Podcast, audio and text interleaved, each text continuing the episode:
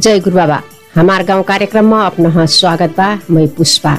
हमार गाउँ कार्यक्रम रेडियो गुरु बाबा एफएम उनानब्बे दशमलव सात मेगा हाजमा से मंगरक बुधक ओ शनिचरक बिहान साढे सात बजे से प्रसारण हुइठा ओसहक बब FM Gulariya Sathi FM Rajapur रामज्ञानु FM Madhuban radio tiger Phurigaun Bhumar Bhawani FM Agaiya Banke Hatemalo FM Janaki गाउँपालिका ओ प्रतिबोध एफएम कोहलपुर से फे यह ब्याला सुन सिक्बी।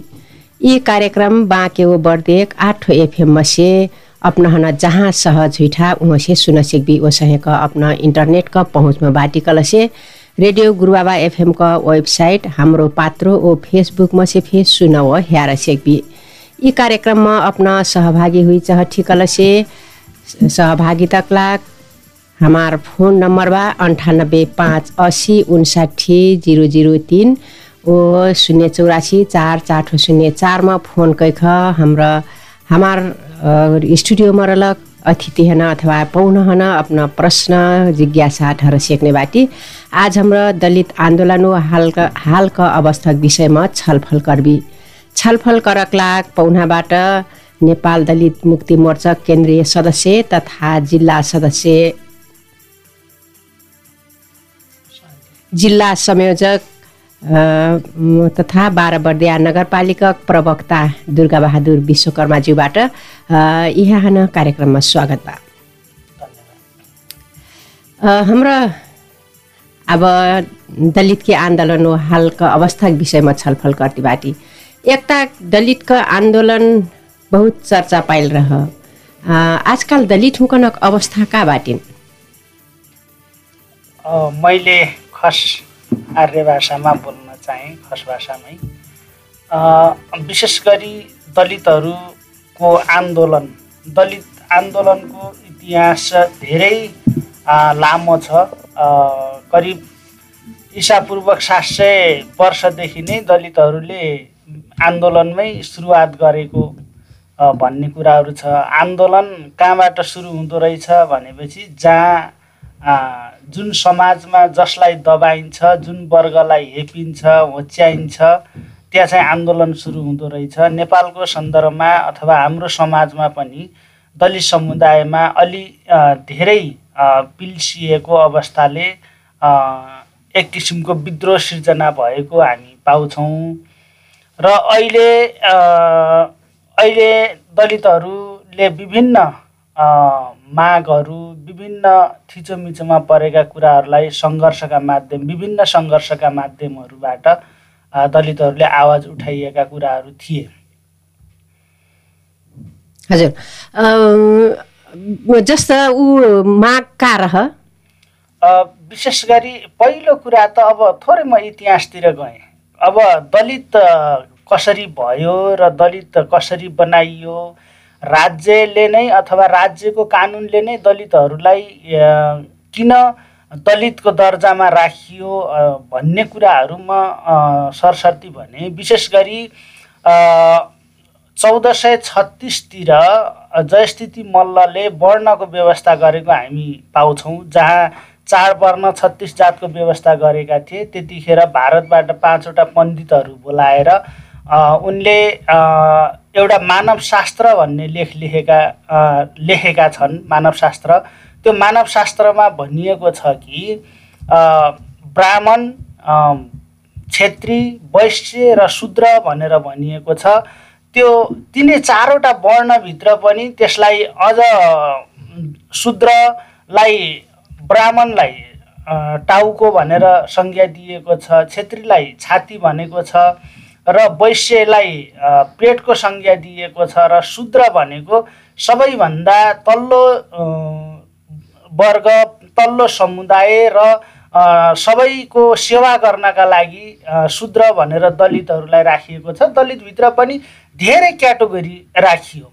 अनि त्यही कुरालाई करिब हाम्रो चार सय चौहत्तर वर्षपछि उन्नाइस सय दसमा त्यतिखेर राजा सुरेन्द्र विक्रम शाह हुनुहुन्थ्यो भने जङ्गबहादुर राणाका पालामा फेरि अर्को मुलुकी मुलुकी ऐन बनाएको छ। त्यो मुलुकी ऐनमा पनि के दे के आएको छ भनेपछि त्यहाँ दलितहरूलाई अझ पानी नचल्ने कुराहरू जोडिदिएको छ।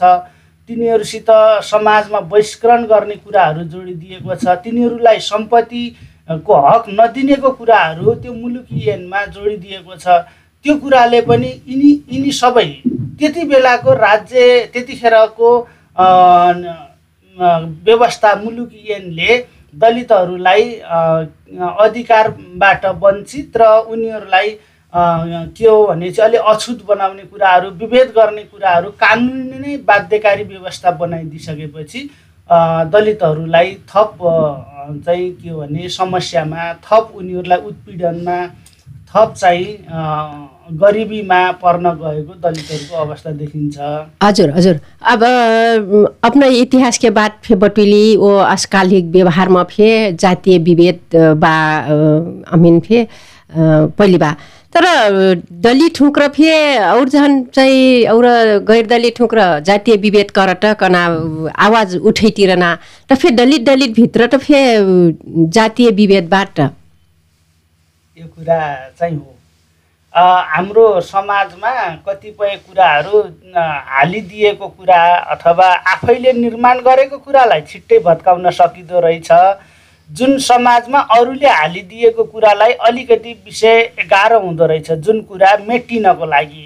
र जुन मैले अहिले समाजमा जो योभन्दा अगाडिको अवस्थामा जति समाजमा विभेद थियो छुवाछुत थियो त्यो कुरो अहिले अहिले गएर यो समाजमा अलिक कम चाहिँ छ। र त्यतिखेरको अवस्था हेर्दा अहिले अलि न्यून अवस्था चाहिँ अलिक त्यो विभेद हट्दै गइरहेको अवस्था छ तर यता कता छ। र योभन्दा धेरै अगाडिदेखि विशेष गरी दलित दलितभित्र पनि छुवाछुत छ है अथवा दलितभित्र पनि अलि माथिल्लो अलि तल्लो भन्ने जुन समाजमा रहिरहेको छ र गैर दलितले पनि जुन समाजमा रहिरहेको छ यो विभेद हटाउन को लागि अलि बढी हामीले अभियानका रूपमा जानुपर्छ भन्ने कुराहरू पनि हो र सुनिन्छ फलानाको छोरी फलानाले नलिने भन्ने कुराहरू अझ पनि छन् यो विभेदका कुराहरू यो यो सन् सन् लगभग दुई हजारमा दुई सय चारवटा विभेद छन् दलितहरू अथवा यो समाजमा विभेद यति धेरै छ भन्ने थियो कि। त्योभित्र पनि दलितभित्र पनि गैर दलित र दलित बिच र दलित र दलित बिच पनि यता कता विभेद देखिन्छ। हाम्रो टेलिफोन सम्पर्कमा एकजना श्रोता आइसक्नु भएको छ। को हुनुहुन्छ? उहाँलाई कार्यक्रममा स्वागत गरौँ। हेलो? हेलो? हजुर यहाँलाई कार्यक्रममा स्वागत छ। आफ्नो परिचयबाट प्रश्न राख्न सक्नुहुन्छ। हेलो? हजुर यहाँको परिचयबाट आफ्ना कुराहरू राख्नुहोस्। हजुर हजुर हामी सुन्दैछौँ। हेलो। हजुर आफ्नो परिचयबाट यहाँका कुराहरू राख्न सक्नुहुन्छ। हजुर नमस्कार म चाहिँ बिर्खवार सुनार विशाल बाह्र वर्दिया नगरपालिका वार्ड नम्बर तिन खुरकुरेबाट बोल्दैछु हजुर।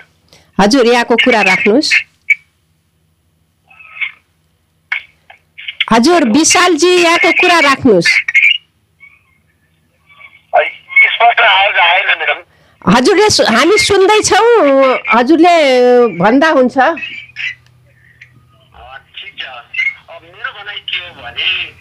जस्तै हामी दलितहरू विगत लामो समयदेखि जुन एउटा कलङ्कको रूपमा चाहिँ देखि देखा परेको छ दलितहरू हिजो या चाहिँ जनयुद्ध काल होस् या चाहिँ नेपालका कुनै पनि चाहिँ घटनामा चाहिँ त्यो त भन्दा संलग्न अनि त्यो त भन्दा एउटा मजदुर मजदुर आन्दोलनदेखि लिएर विभिन्न आन्दोलनहरूमा दलितको ठुलो भूमिका रह्यो। तर अहिले यो चाहिँ एक्काइसौँ शताब्दीमा आइसकेपछि पनि थुप्रै अब तपाईँको एउटा वासस्थानबाट वञ्चित रहनुपर्ने समस्याहरू छन्। पनि जातित्व अझै कायमै भएको जस्तो चाहिँ देखिन्छ। त्यसकारण अब अ, जस्तै अहिले पनि अब तपाईँको हामीले विभिन्न ठाउँबाट केही दलितहरू अनि चाहिँ बस्ती बसोबासका लागि एउटा गाँसबासको निमित्त हामी यहाँ बाह्र वर्गीय नगरपालिका वार्ड नम्बर तिन यो खुरखुरीमा दुई हजार छत्तिस सालदेखि चाहिँ बसोबास गर्दै आयौँ र अहिलेसम्म पनि चाहिँ भूमिको व्यवस्था हुन सकेन। र वास्तवमा यस्तो यहाँ मात्रै नभएर अनेक ठाउँमा पनि चाहिँ थुप्रै चाहिँ पहाडी इलाकामा पनि दलितहरूका समस्या जुन कति छन्।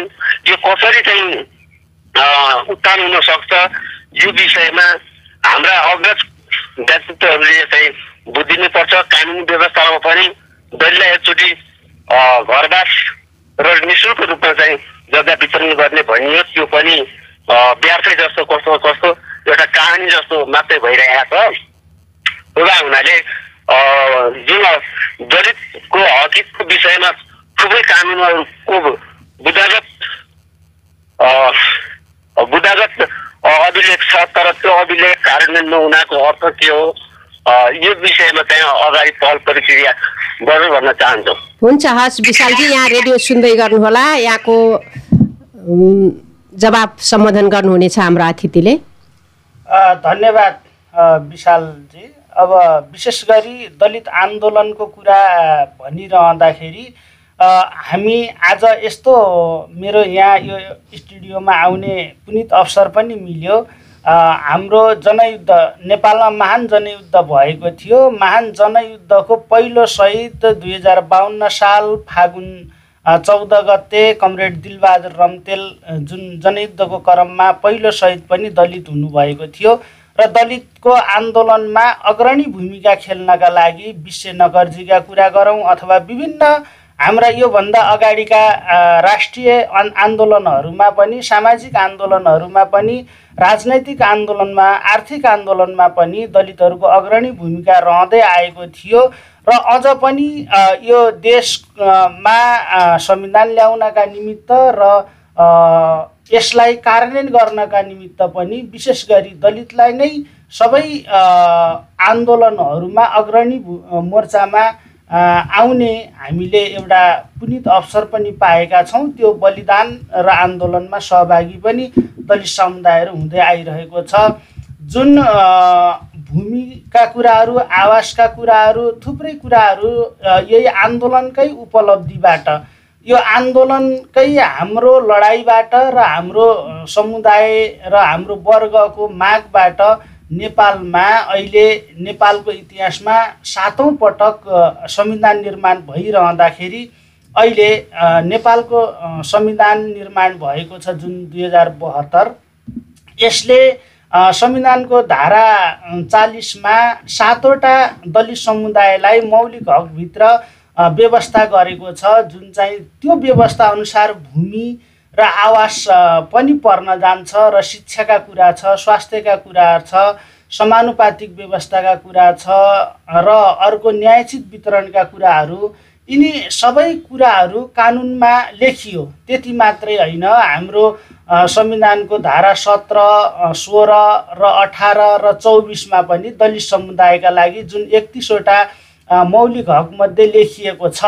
र तपाईँले गर्नुभएको प्रश्न र हामी सबै समुदायलाई लागिरहेको कुरो हाम्रो आन्दोलन बलिदानबाट संविधान आयो का एउटा संविधान लेखियो यो संविधानको कार्यान्वयन हुन सकेको छैन। त्यहाँ के कुरा लेखिएको छ भने सबै व्यवस्था गरिनेछ गर्नुपर्ने छ भनिएको छ तर कानुन बमोजिम भनिएको छ।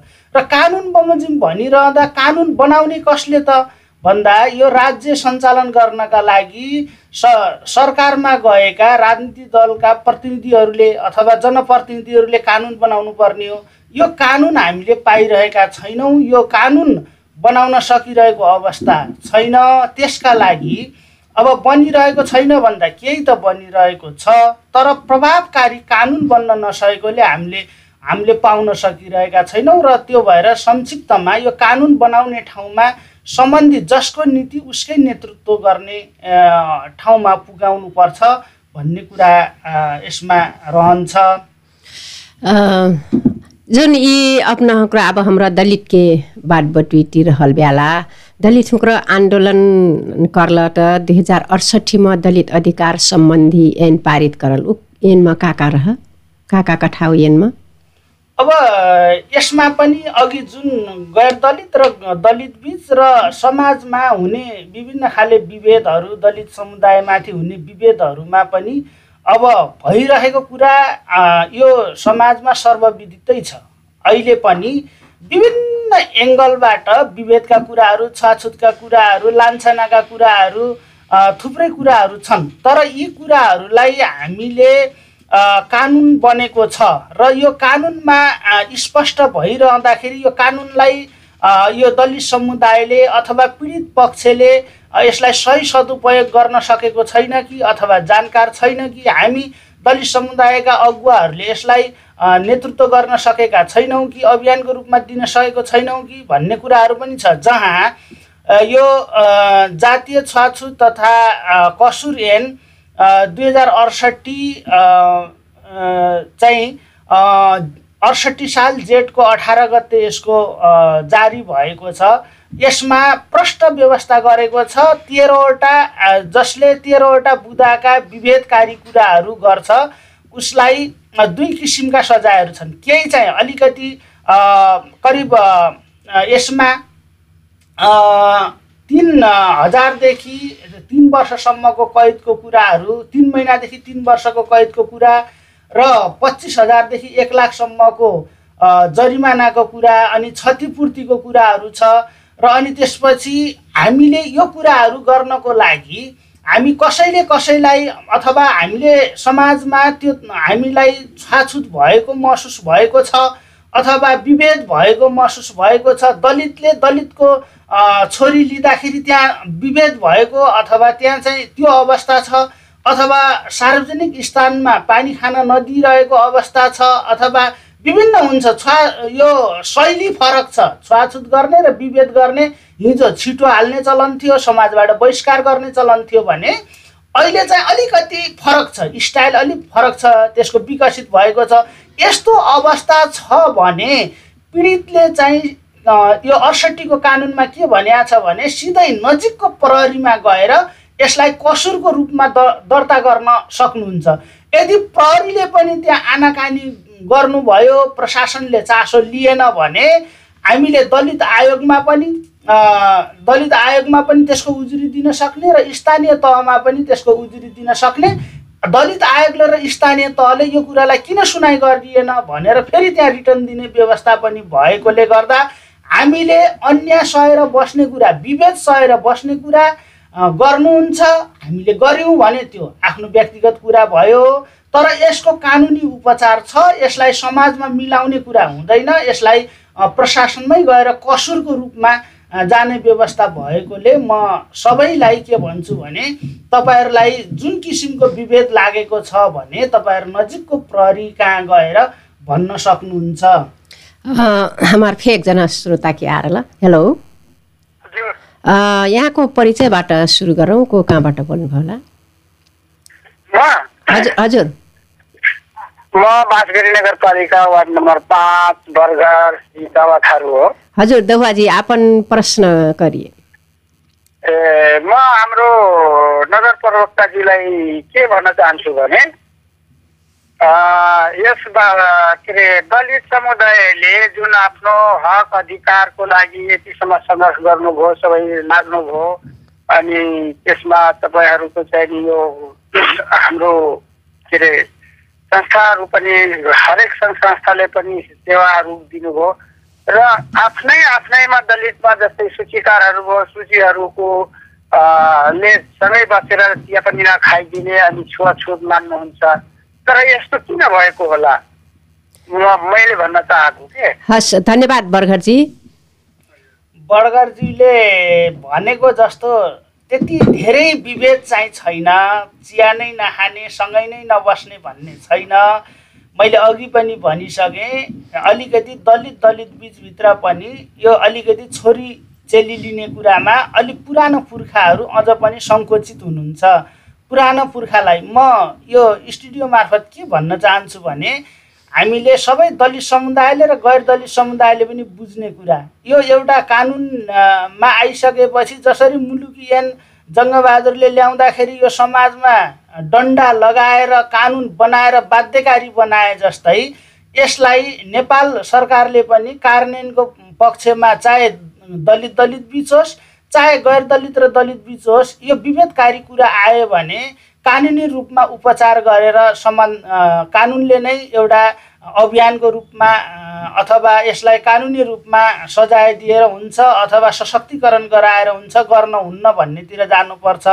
र विशेष गरी यो तराई अलि पाहाडमा र पश्चिम र पूर्वी तराईमा अलिकति छुवाछुतको अझ पनि छ र यो विशेष गरी तराईमा बर्दिया बाँकेतिर अलि तपाईँको पुर्खाहरूतिर त छ तर युवा जेनेरेसनमा त्यस्तो छैन र दलित दलित बिचमा पनि अलि पुर्खाहरूमा छ र युवा जेनेरेसनमा त्यस्तो छैन। यी सबै कुरालाई हटाउनको लागि हामीले विशेष गरी छलफल गर्नुपर्छ र त्यो किसिमले हामी सबैले युवा पङ्क्तिले हामी दलित अगुवाहरूले त्यो गर्नुहुन्न भन्ने कुरा गऱ्यौँ भनेपछि विभेद हट्न जान्छ भन्ने कुरा हो। हजुर।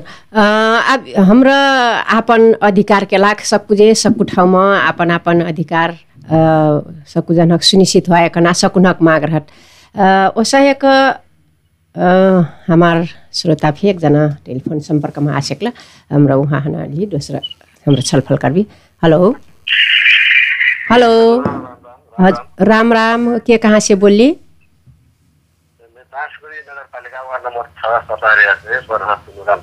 हजुर बर्खर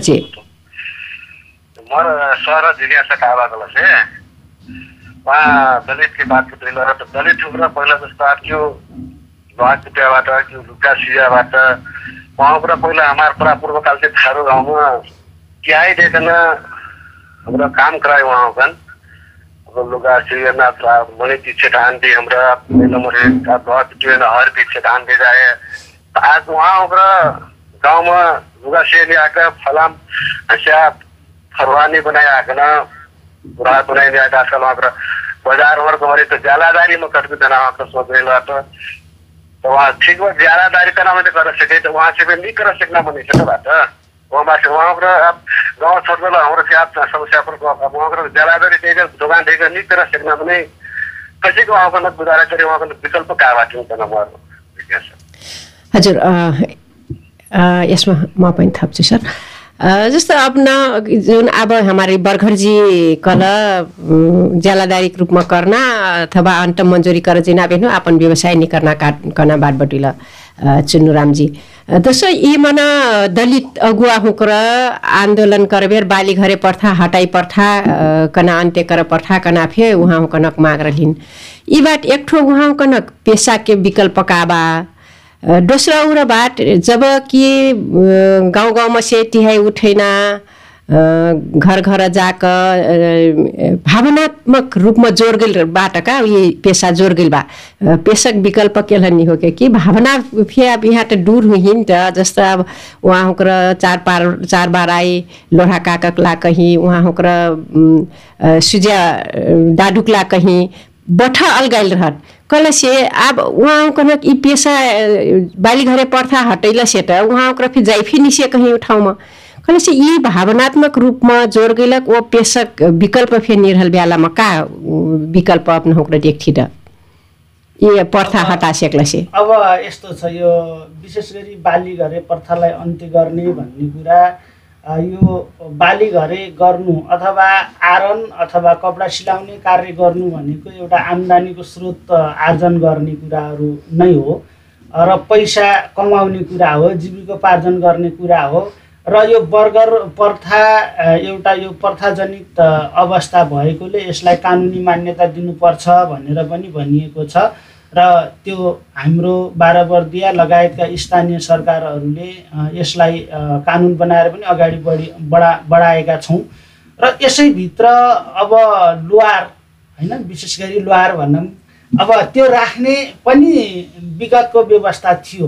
र तपाईँको यसमा अलिकति तिहाई मा काम गर्ने र गराउने बिच यसलाई त्याई नै हुनुपर्छ भन्ने कुराहरू चाहिँ हुनु हुँदैन अब अथवा बाली घरे व्यवस्था नै हुनुपर्छ भन्ने कुराहरू हुँदैन। यसमा पनि लामो अध्ययन भइरहेको छ। किनकि यसले हामीले त्याई दिँदाखेरि उसलाई सही जीविकोपार्जन भएको छ कि छैन? अथवा अहिले हामी सबै काम गर्दाखेरि स्वतन्त्रताका कुरा पनि हुन्छन् र हामीले उसलाई सही तरिकाको जीविकोपार्जन हुन्छ कि हुन्न? अथवा उसलाई त्याई भनिसकेपछि बाध्यकारी भइरहेको छ कि भन्ने कुरासित पनि जोडेर यसको उनीहरूलाई त्याईको विकल्प के हो त भन्दाखेरि हामीले बजारमै जानुपर्छ भन्ने कुराहरू हुँदैनन्। हामी गाउँमै बस्ने कुराहरू पनि बनाउन सकिन्छ। जसले आरन व्यवसाय गर्न चाहन्छ उहाँलाई हामीले गाउँमै एउटा घर बनाइदिने अथवा त्यहाँ चाहिँ काम गर्ने श्रम गर्ने ठाउँ बनाइदिने र त्यसपछि हामीले दर रेट निर्धारण गऱ्यौँ भने हामी त्याइलाई नै कन्भर्ट गरौँ न त। हामी कति दिन्छौँ त? यतिवटा आसी यतिवटा हलगोरु यतिवटा चाहिँ बनाए बापत यति जोड कपडा सिलाए बापत हामी कति दिन्छौँ त? त्यो कुरोलाई सरदर बजार अ, दर भाउ र स्थानीयमा दर भाउलाई जोडेर हामीले ज्याला निर्धारण गरौँ। आँसीको धार लगाएको यति नयाँ यति अनि त्यसपछि कुलाडीको यति होइन फरुवाको यति भन्ने किसिमको हामीले दर रेट निर्धारण गरौँ। अनि उसलाई त्याइमै राख्नुपर्छ भन्ने के भएर? हामीले ज्याला हामी गाउँमै किनकि बजार आउनको लागि सेवा त हामीले घर घरमा दिने कुरा हो नि त। हामीले सेवा दिनको लागि सम्बन्धित व्यक्तिलाई हामी गाउँमा राख्न सक्छौँ तर त्याइमै लगाउनु पर्छ भन्ने चाहिँ होइन कि ज्याला दिएर पनि हामीले गाउँमै घर नजिकै टोलमै सेवा सुविधा लिन सक्छौँ। त्यसमा दुई पक्ष नै बस्नु आवश्यकता छ। हामीले सरसर्ती हेर्दा किसानहरूका कुराहरू सुन्दा किसानहरूले को पनि आफ्नै किसिमको तर्क छ र जसले बाली घरे प्रथामा लागिरहनु भएको छ उहाँहरूको पनि आफ्नै तर्क छ। कि हामी अ, तिहाईबाट हामी घाटामा पर्यौँ हामीले चाहिँ सही जीविको पार्जन भएन र हामी अलि बाध्यकारी जस्तो पनि भयौँ भन्ने छ भने र तिहाई दिँदाखेरि प्रचलन पहिलेदेखि आइरहेको कुरा सजिलो पनि लागिरहेको छ। तर हामीले कन्भर्ट गऱ्यौँ भने सायद त्याइ दिने दिइरहेको भन्दाखेरि ज्यालामा हामी कममा पनि काम काम हुन्छ कि? होइन? त्याइ दिँदा हामी तिन नम्बर चार नम्बर पाँच नम्बर भनिरहँदा हामीले त्यो आँसी हामीले ज्यालामा बनाउँदा कुलाडी ज्यालामा बनाउँदा हामी कम रुपियाँमा पनि हुन्छ कि? अर्थलाई अथवा आर्थिकलाई पनि अलिकति कन्भर्ट गरेर वस्तु दिँदाखेरि हामीले सस्तो मान्ने भनिरहँदा अलिक पैसालाई पनि कन्भर्ट गऱ्यौँ र दुवै पक्ष हामीले तालमेल गरेर हामीले एक आपसीमा सम्झौता गराएर गऱ्यौँ भने यो सम्भव छ। मैले जसले प्रश्न गरिरहनु भएको छ बडगरज्यू तपाईँले तपाईँको गाउँबाटै सुरुवात गर्नुहोस्। यो त्याइ यो जुन बाली गरे प्रथालाई अन्त्य गर्ने कुरोमा आफ्नो गाउँमा तपाईँले कमाइरहेको चाहिँ अब चलन चल्ती भाषामा लोहार उहाँलाई चाहिँ गाउँमै उम्, ल्याएर राख्नुहोस् र ज्यालादारी व्यवस्था गराउनु बरु गाउँको सबै चाहिँ बखेरी राखेर अनि त्यहाँ चाहिँ हामीले दर रेट निर्धारण गरिदिउँ र त्यसबाट नै अहिलेको परिस्थिति अहिलेको युगमा काम गर्न सजिलो हुन्छ आधुनिक अवस्थामा भन्ने कुराहरू हजुर प्रवक्ताज्यू। अब हमरा सकुजना कह परल आपन आपन अधिकार सुनिश्चित भए अ, मेर मेरक ठाउँमा आन्दोलन करथी दलित व्यवसायका आन्दोलन करला तब नेपाल सरकारका संविधान फे सकुनक अधिकार सुनिश्चित करती संविधान फे जारी कैसेक बा अब यह न कार्यान्वयनको अवस्था। अब नेपालका संविधान देलक मौलिक हक दोसै मन दलित हुकनक प्रतिनिधित्वको अवस्था दोसै दुई हजार अडसट्ठीमा बनलक दलित ऐनके अवस्था यी कसिनबाट कार्यान्वयनकै अवस्था कसिन बा अब यो कार्यान्वयनको अवस्थामा अब हामीलाई जुन संविधानमा लेखिएका कुराहरू छन् तिनी बुदाहरूमध्ये कतिपय कुराहरू हामीले प्राप्त गरिरहेका छौँ। जस्तै अब भनिरहँदा हाम्रो सामाजिक सुरक्षाका कुरामा अन्य समुदायले सत्तरी वर्षमा भत्ता पाउनुहुन्छ भने दलित समुदायले साठी वर्षमा भत्ता पाउने कुरा छ। त्यो यो कानुनमा कार्यान्वयन भएको कुराहरू अथवा संविधानमा लेखेका कुराहरू यो सरकारले कार्यान्वयन गरिरहेको कुराहरू छ।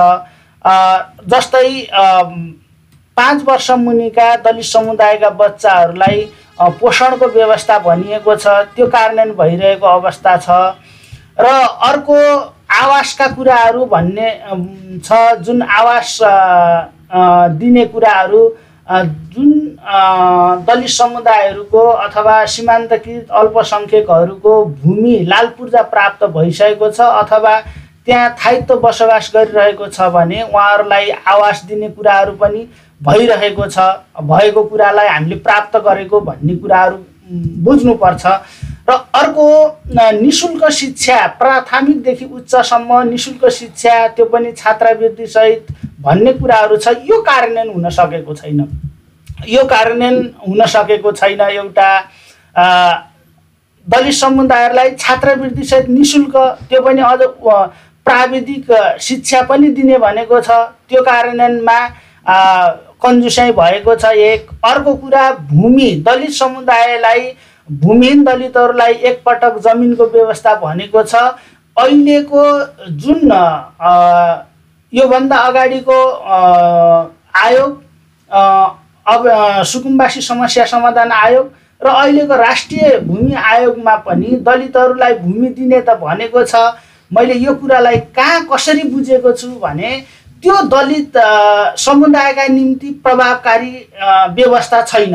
मैले यो छैन भनिरहँदा किन छैन भने त्यहाँ यसरी बन्धनमा बाँधिदिएको छ कि दलित समुदायलाई एकपटक भूमि दिनेछ पनि भनेको छ तर त्यो फर्म भर्दाखेरि के भनेको छ त्यो अठारौँ संशोधनमा भने कुनै पुर्खा बाजेको पालामा दसधुर जग्गा छ भने पनि त्यो सुकुम्बासी होइन अथवा त्यो जग्गावाला मान्छे हो भनेर व्याख्या गरिदिएको छ कि? त्यो कुरा त्यो व्याख्याले गर्दा हामीलाई के भयो भन्नुहुन्छ भने जग्गा भूमि हुने दलितहरूलाई दिनुपर्छ भन्ने कुरा त छैन। तर भूमि त्यो बाजेको नाममा दस दस धुर जग्गा छ भने त्यो नातिलाईसम्म वञ्चित पार्ने त्यहाँ व्यवस्था त्यो अहिलेको आयोगको टिओआरमा आयोगको चाहिँ त्यो लेखमा त्यस्तो छ। त्यो भएर हामीलाई यो यो पनि त्यति उपयुक्त लागिरहेको छैन। र यी जुन कानुन कार्यान्वयन गर्ने कुरामा सरकारको नेतृत्व गर्ने राजनीतिक दलका अथवा सरकारको नेतृत्व गर्ने पार्टीले यसको कार्यान्वयन गर्न किन कन्जुसाइ गरिरहनु भएको छ भन्ने कुरा चाहिँ हामी सम्पूर्ण दलित अगुवाहरू दलित अधिकार कर्मीहरूलाई चासोको विषय छ।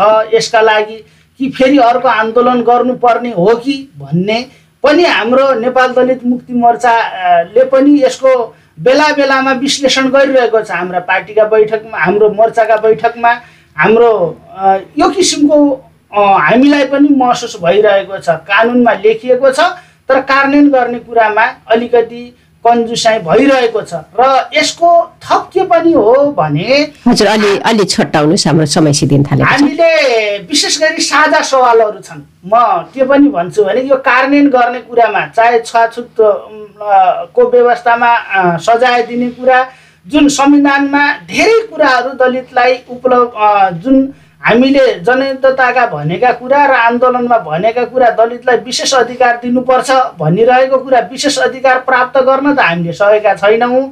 जुन दलित समुदायका निमित्त कानुनमा लेखिएका कुराहरू कार्यान्वयन गर्नका लागि हामी दलित दलित बिच अथवा जुनसुकै पार्टीमा भए तापनि जुनसुकै फोरममा भए पनि चाहे सङ्घ संस्थामा चाहे जुनसुकै ठाउँमा अथवा हामी जुनसुकै पार्टीमा भए तापनि अब हामीले तल गाउँदेखि जिल्ला प्रदेश र केन्द्रसम्म अलिकति हाम्रो एकताको बहस चलाउनुपर्छ हाम्रो साझा मुद्दामा हामी जुनसुकै पार्टीमा भए पनि त्यसको कार्यान्वयनका पक्षमा लाग्नुपर्छ यसको ज्वलन्त उदाहरण पनि छ। संविधान निर्माण गर्ने बेला पचासजना सांसदले त्यहाँ संसदभित्र विद्रोह गर्नुभएको थियो।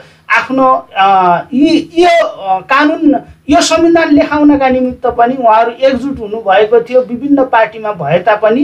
र हामीले पनि अझ पनि जो को काङ्ग्रेसको दलित अगुवा जो एमालेको अग- अगुवा जो चाहिँ माओवादीको दलित अगुवा जुनसुकै दलित समुदायको अगुवा नेता भए पनि हामीले एकपटक बहस चलाउनु आवश्यकता छ।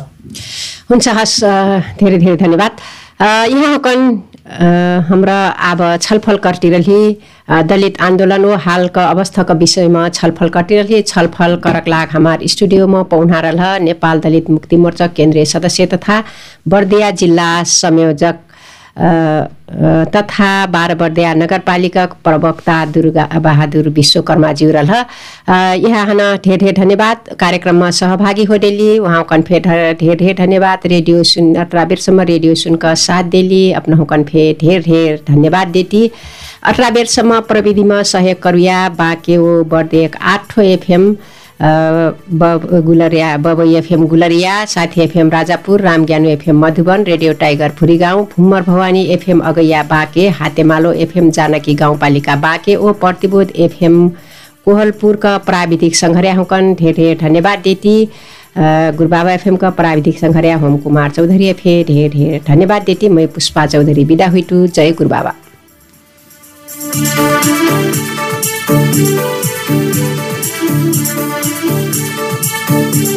Thank you.